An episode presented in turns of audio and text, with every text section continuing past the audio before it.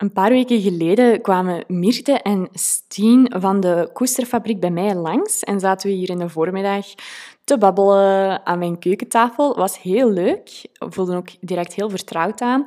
En dat was omdat zij mij wilden interviewen voor hun podcast de Koesterfabriek.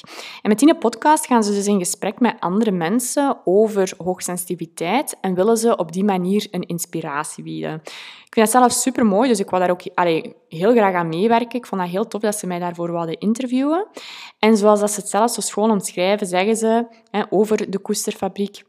Luister naar de Koesterfabriek voor gezellige gesprekken en concrete tips over hoe je met gevoeligheid fluitend door het leven gaat.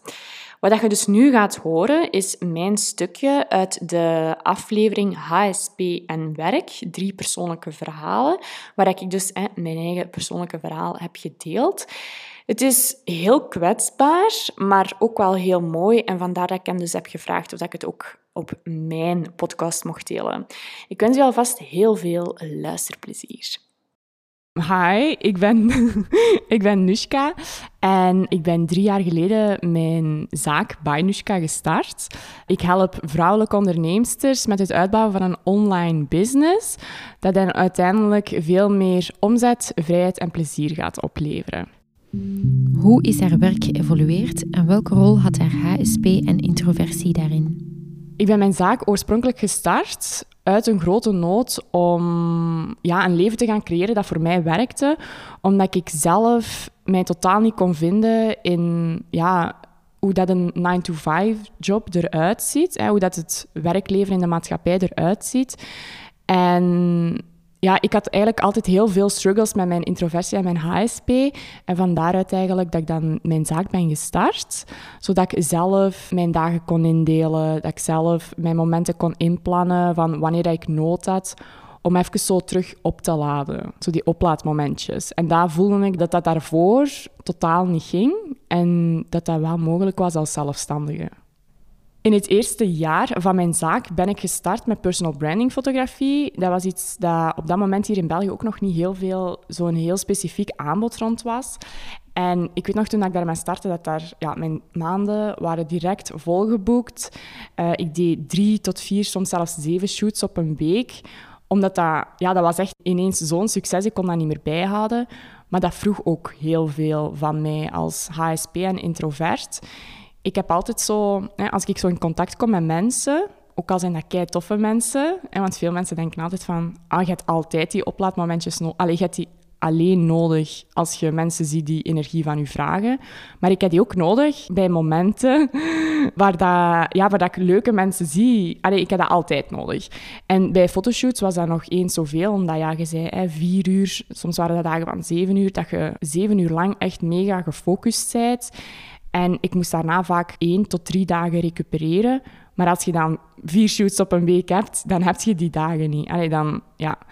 Dus dan was het eigenlijk al heel snel dat ik een jaar daarna, denk ik ongeveer, ja, of iets langer, dat ik dan uiteindelijk helemaal gecrashed ben, omdat ik zo altijd maar over mijn limiet aan het gaan was en dat ik veel te weinig die momentjes aan het inplannen was die dat ik nodig had om terug op te laden. Ze nam een grote beslissing, waardoor haar werk er helemaal anders uitzag. Dat was vorig jaar dan ongeveer, dat ik dan in april zoiets had van toen ben ik gecrashed, dat ik zoiets had van, ja, dat kan echt niet meer zo verder. Ik moet echt mijn business gaan veranderen. Dus dan ben ik, uh, heb ik besloten om mijn fotoshoots af te bouwen. Heel veel mensen in mijn omgeving zeiden van, wat doet jij nu? Allee, je hebt daar veel succes in, dat mocht je echt niet doen. Waarom zou je maar iets stoppen waar je succes in hebt? Maar ik heb dat dan toch uiteindelijk gedaan. En ik ben mij dan gaan richten hè, op een online aanbod, zodat ik online cursussen kon maken die dat ik onbeperkt kon blijven verkopen en waar ik dan niet constant mijn energie ook moest gaan inruilen uh, voor mijn omzet. En ik voelde dat paste volledig bij mij, maar langs de andere kant was dat ook weer het uiterste. Hè, dus het ene, de fotografie, was dan, dat vroeg superveel energie, was veel sociaal contact, maar dan die online cursussen, ja, dat was dan, dat sociaal contact had ik dan precies veel minder in mijn trajecten, in mijn online cursussen, ben ik dan ook echt zo'n mastermind gaan toevoegen, waardoor dat ik wel om de twee weken contact had, of wekelijks, met dan een groep andere onderneemsters die dat dan volgden.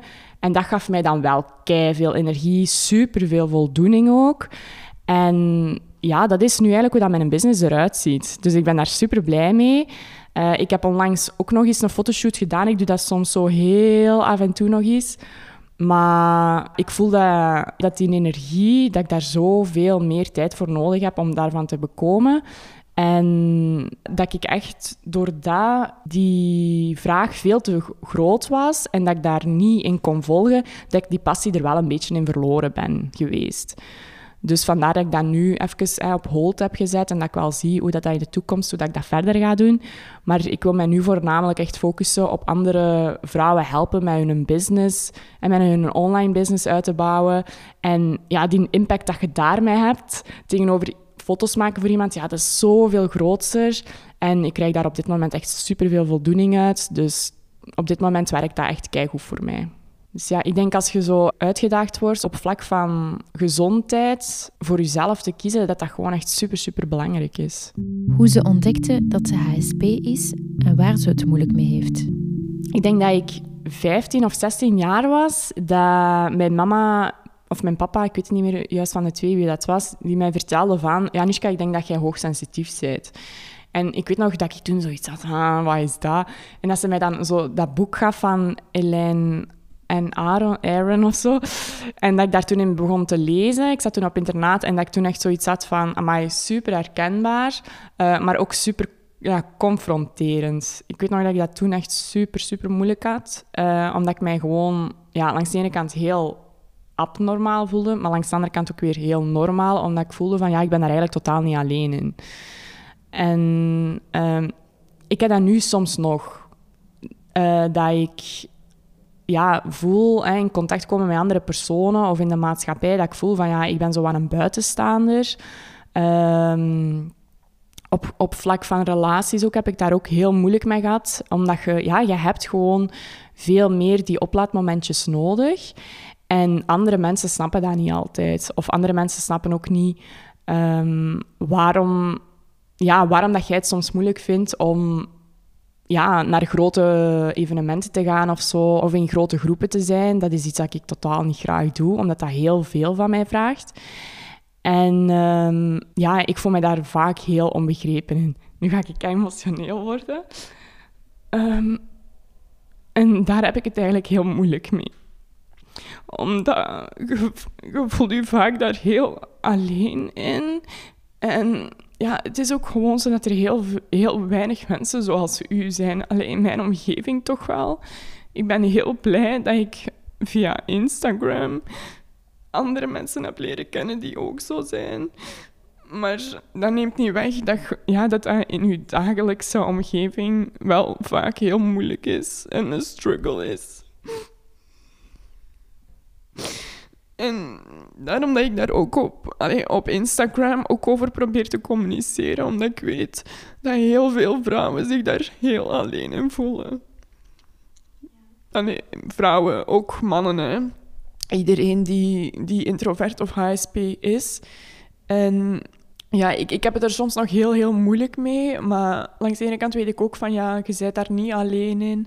En het allerbelangrijkste is, is dat je weet dat je niet abnormaal bent. Dat dat gewoon iets is waar dat je met leert leven of zo. En de ene moment is dat veel moeilijker dan de andere. Maar ik probeer daar ook, ja, gewoon ook op Instagram heel, allee, heel open en in mijn podcast ook heel open over te zijn, zodat mensen ook gewoon weten van je zit daar echt totaal niet alleen in. En ik ben gewoon heel blij met mijn werk zelf, met Bainushka, dat ik zelf die keuze kan maken om een leven te gaan creëren dat voor mij werkt als HSP en als introvert. Jobs van 9 to 5 of in grote teams werken of zo, dat zou voor mij totaal niet passen. En ja, dat ik gewoon zo dankbaar ben dat ik uiteindelijk op dat vlak wel echt een leven heb kunnen creëren dat voor mij werkt. Maar dat neemt niet weg dat het vaak op privévlak nog heel moeilijk is.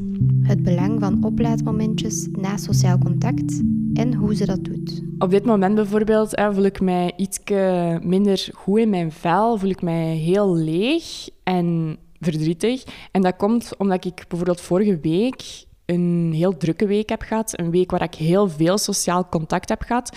Niet enkel in real life, maar ook ik ben live geweest op Instagram. Ik heb Zoom-meetings gehad. Alles van sociaal contact, ja, dat vraagt gewoon elke keer ook om energie. En vraagt ook om die oplaadmomentjes. Hè. En ik heb die vorige week totaal niet ingepland. Amper tijd voor mijzelf vrijgemaakt. En vooraleer dat je het weet, dan zijn je zo leeg. En dan is je, je cupje, zoals ze zeggen, you can't pour from an empty cup. Dat is dan zo leeg. En je zegt gewoon aan het blijven gaan en blijven gaan en blijven gaan. En op een gegeven moment ja, voelt je helemaal leeg en super slecht. En daar zit ik nu op dit moment. En dan weet ik ook van, oké, ik moet nu echt wel tijd terug gaan inplannen om terug op te laden. Dat is bij mij echt op de meest stomme manieren. Dat kan echt zelfs zijn een hele dag gewoon slapen of een hele middag slapen. Gewoon geen prikkels dat er binnenkomen.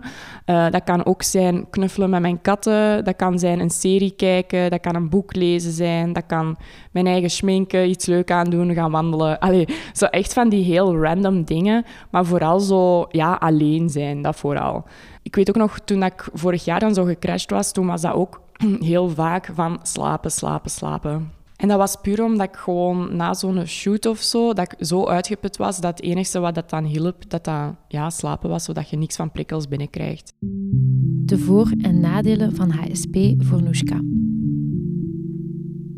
Ik ervaar HSP voornamelijk als iets positiefs, omdat ik zo heel hard ook aanvoel hoe dat andere mensen zich voelen. Dus bijvoorbeeld in mijn fotoshoots ja, kon ik mensen echt mega hard op hun gemak stellen, kon ik de beste versie van zichzelf eigenlijk op beeld vastleggen. En in mijn online cursussen, in mijn trajecten dan, is dat ook vaak in mijn coachingsgesprekken, dat ik zo de anderen heel goed kan aanvoelen. Ik zit ook heel snel met mensen in, dus ik wil ook altijd het beste voor mensen.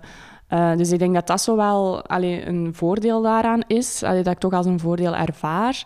Iets van nadeel is dan voornamelijk dat ik hè, bijvoorbeeld, ja, je hebt dat ook in de ondernemerswereld, events dat plaatsvinden, uh, al die dingen, dat vind ik verschrikkelijk.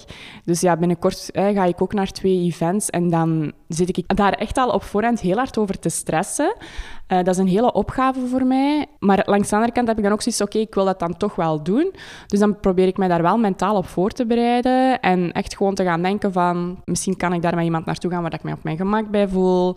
Ik hoef daar niet een hele avond aanwezig te zijn. Als ik het moeilijk heb, dan kan ik gewoon even naar het wc gaan of naar buiten of ik weet niet wat. Gewoon op voorhand al even nadenken van, hoe gaat het scenario zich voordoen en hoe kan ik ervoor zorgen dat het zo aangenaam mogelijk voor mij wordt. En nu dat ik dat zo vertel, dan klinkt dat mega stom eigenlijk. Maar ja, dat is wel iets waar ik het moeilijk mee heb. En dat in mijn dagelijks leven, hè, dat ik daar sowieso al moeilijk mee heb, omdat ik voel van hè, mensen die willen afspreken of hè, groepen waarin dat je terechtkomt, dat dat zo soms dingen zijn dat ik niet graag doe, maar dat sowieso bij mijn job dan ook nog naar boven komen, hè, zo van die grotere events. Want ik ben zelf eigenlijk ooit de Breakfast Club gestart. Dat was een laagdrempelig netwerkevent. En ik vond dat super tof, omdat ik was gewoon alles aan het organiseren. En dan kwamen achteraf mensen naar mij en dan zeiden die... Ja, Manushka, ik kwam eigenlijk naar de Breakfast Club om met u contact te hebben. Maar je kon geen contact met me hebben, want ik was aan het zorgen dat alles uh, in orde kwam. Ik was zelfs foto's aan het nemen en zo. En um, dat was zo mijn manier om het veilig te houden. En ik weet ook nog, het eerste Bossie-event waar ik naartoe ben gegaan, daar was ik dan fotografe en ik vond dat zalig. Ik weet nog dat Torino ook vroeg aan mij van... Ja, maar wilt je daar dan niet zelf aanwezig zijn, gewoon als gast. En dat ik zoiets had, nee, alsjeblieft, laat mij gewoon foto's maken, zodat ik gewoon in mijn, allez, in mijn bubbel kan zijn en dat ik van op afstand alles kan observeren en op die manier er toch aanwezig kan zijn. Dat was voor mij zo een veilige plaats. En bij de Breakfast Club juist hetzelfde. Ik was gewoon iemand, ik zorgde dat de mensen ontvangden, maar voor de rest ja, zorgde ik dat alles goed op tafel stond en gewoon dat ik alles aan het organiseren was, maar dat ik niet zelf daaraan deelnam. Want dat was voor mij dan zo ja, nee, dat, dat vond ik dan maar akelig of zo. Wat Nushka nog graag wil zeggen tegen jou.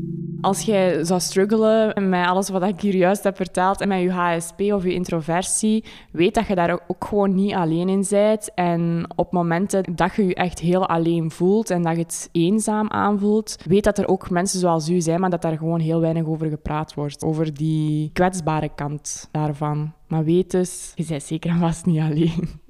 Je kunt meer afleveringen beluisteren via de Koesterfabriek. Ik zal het ook even in de beschrijving zetten. En je kunt natuurlijk Mirte en Stien volgen op Instagram en dat doet je via de Koesterfabriek. Laat ons zeker weten wat je van deze aflevering vond. Je kunt dat doen door hè, iets te delen in je stories en ons daar allebei in te taggen of ons een berichtje te sturen. Dat vinden we altijd heel plezant. Alvast merciekes en dan wens ik u voor nu nog een hele fijne ochtend, middag of avond toe. Doei!